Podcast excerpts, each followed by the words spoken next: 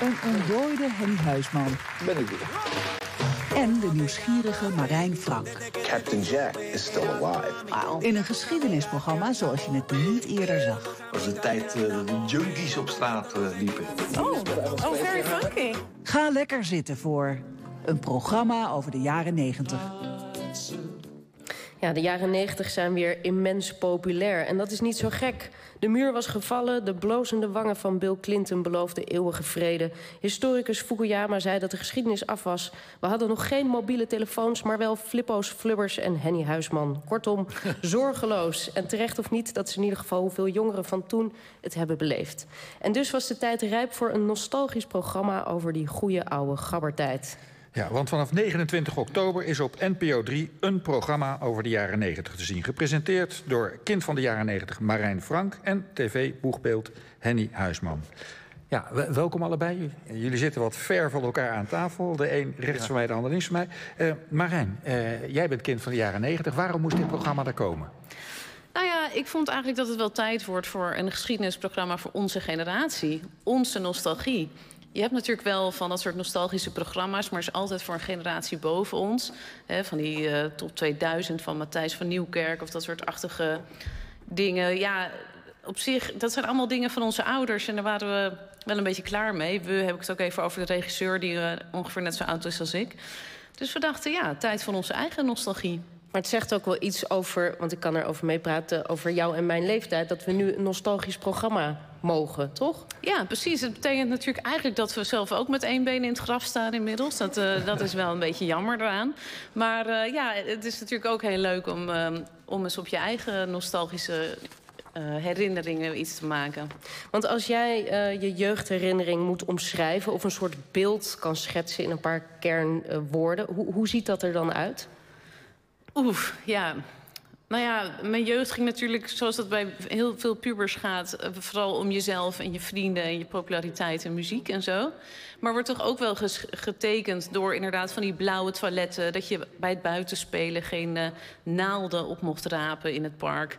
Um, ja, dat soort fenomenen die nu toch wel best wel uitgestorven zijn eigenlijk. Maar ik, ik noemde net uh, van het was eigenlijk misschien ook wel een zorgeloze tijd. Of de tijd, uh, de, de, de, muur was gevallen. Uh, de, ja, ik ben ook heel erg opgegroeid met het idee dat, dat we voor altijd vrede zouden hebben. Mm -hmm. um, jij hebt het wel ook over de junks. Ik bedoel, het was ook wel gewoon echt een... een ja, een mooie, echt een mooie tijd, toch? Ja. Waarin ons van alles beloofd werd. Ja, klopt. Nou, ik, misschien is dat... Ik was natuurlijk puber, hè, dus ik was echt tussen de 10 en de 18, zeg maar, in de jaren 90. Volgens mij ben je dan sowieso niet heel erg bezig met een soort breder perspectief waarin je leest, leeft. Je kijkt gewoon, heb ik thuis... Uh, kan ik doen waar ik zin in heb? Dus uit met vrienden of naar school. Dat ging allemaal natuurlijk goed. Dus in die zin was het wel een zorgeloze tijd. Er was veel ruimte om, om naar de concerten te bezoeken waar je zin in had.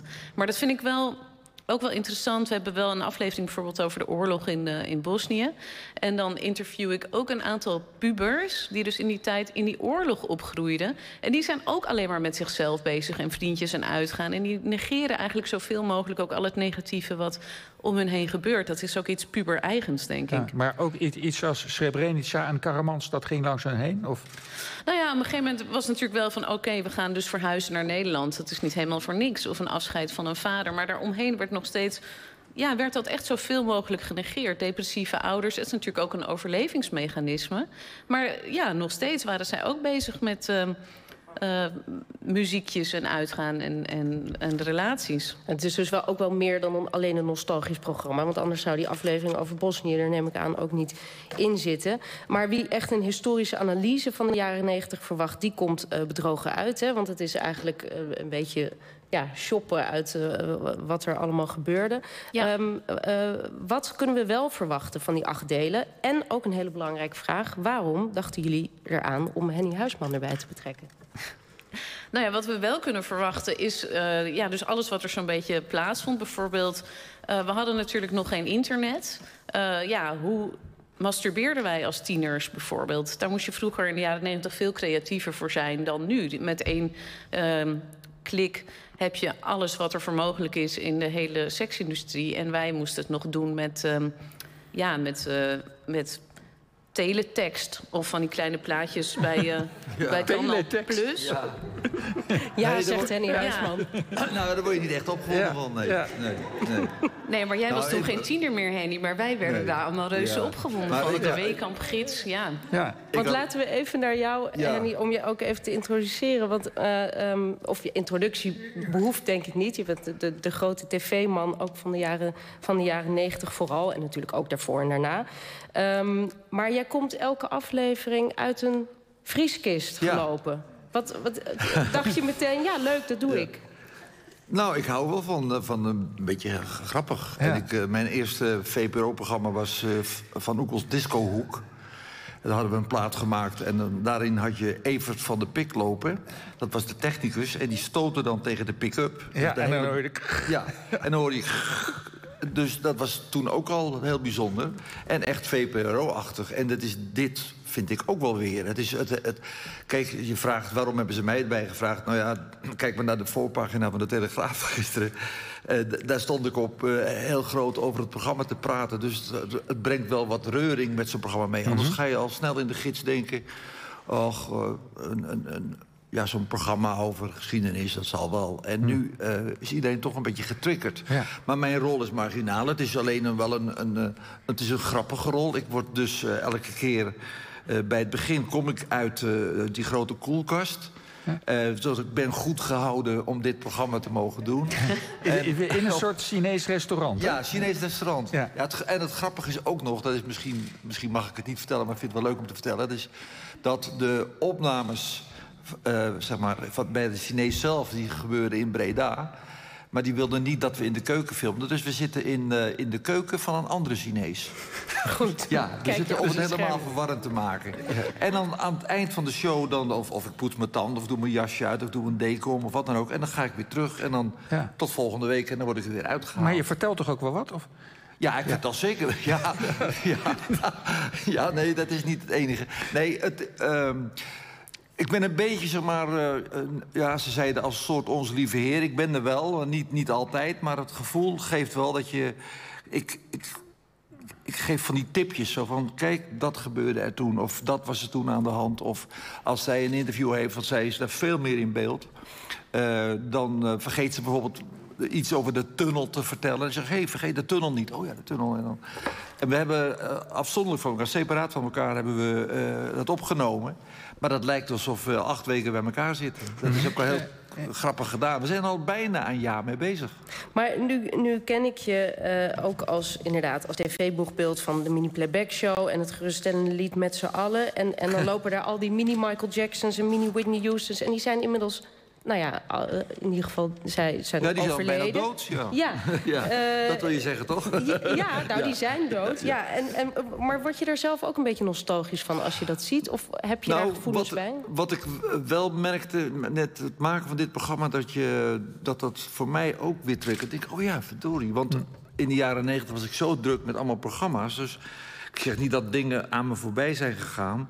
Maar er zijn toch wel... Bijvoorbeeld Hari Krishna die in Amsterdam. Als we in Amsterdam was, dan zag je die uh, met die belletjes en die kleding.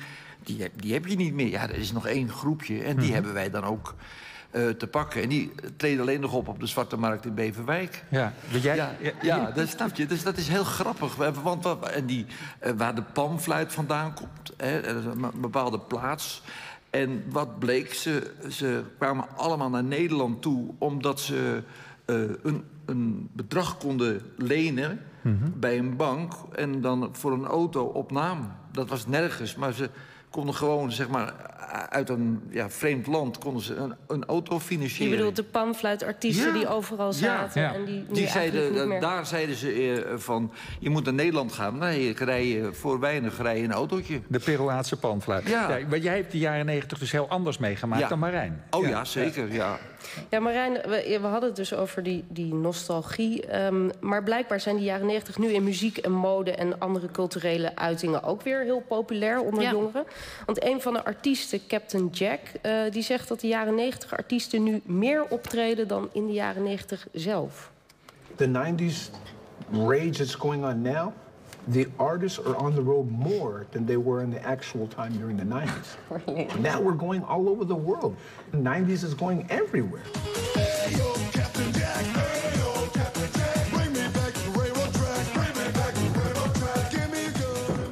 Ja, de muziek zal niet door iedereen worden gewaardeerd. Ik Maar wou net zeggen, het blijft een lekker nummer. Maar ja.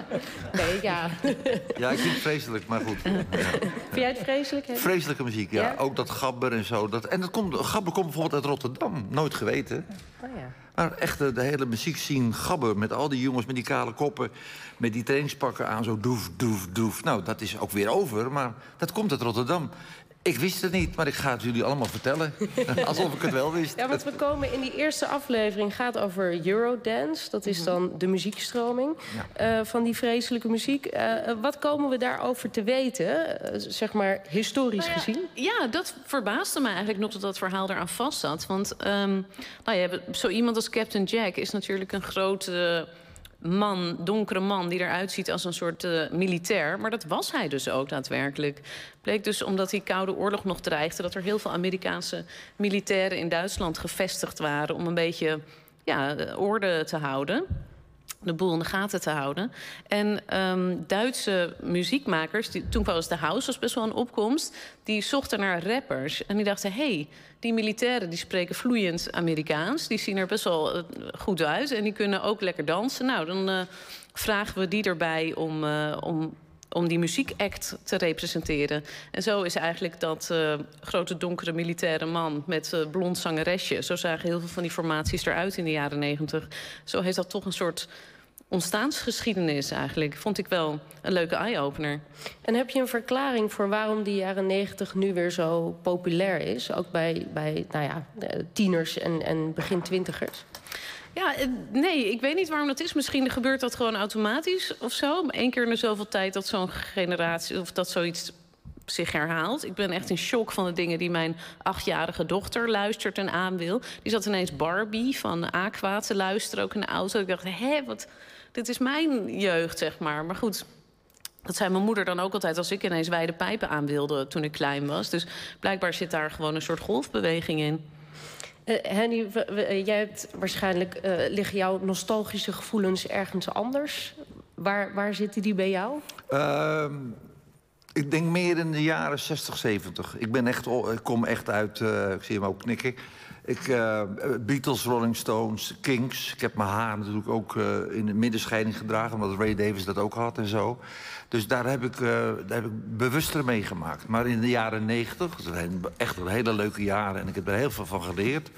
Maar dat is wel een beetje door al het werk een beetje langs me heen gegaan. Ik wist natuurlijk, eh, de, de oorlog in Bosnië, natuurlijk wi- wist, eh, wist je dat wel. Maar je had het gewoon te druk om daar echt mee bezig te zijn. En dat is eigenlijk heel vreemd, maar het is wel zo. Eh, nu zei je in het begin van ik begon bij de VPRO. Ja, En je, je bent er nu weer terug eigenlijk. Is dat een bijzonder gevoel? Ja, dat is wel leuk. Ja, eh, omdat ik. ehm, ja, na zoveel jaren televisie. En er komt, volgend jaar komt er een, een, eh, boek uit. En dat was geschreven door Kevin Kraan. En Kevin Kraan die, eh, die sch- schrijft al een jaar lang met me mee. En uiteindelijk wordt dat toch dat boek grote prikken maar door show. Dus eigenlijk eh, kom ik erachter dat ik 45 jaar lang eh, lucht heb gemaakt. En dat dat allemaal helemaal niks voorstelt. Terwijl je toch met eh, televisieringen en prijzen en Tros TV-gala's... Maar als je, het allemaal, als je het allemaal in de machine zou stoppen, dan... pff. Maar dat En- klinkt een beetje tragisch. Ja, maar dat, dat is het ook een beetje.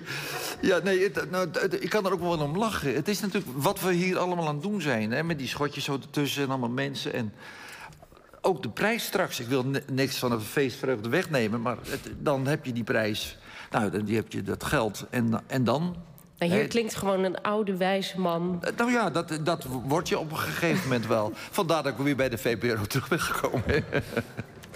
Goed, Marijn Frank en Henny Huisman, heel veel dank voor jullie komst. Heel graag Ehm, gedaan. Een programma over de jaren 90 is een, een, een atypisch historisch programma. Dus als u dat wil zien, dan is dat vanaf aanstaande donderdag acht weken lang te zien op NPO 3. Yes. Bedankt.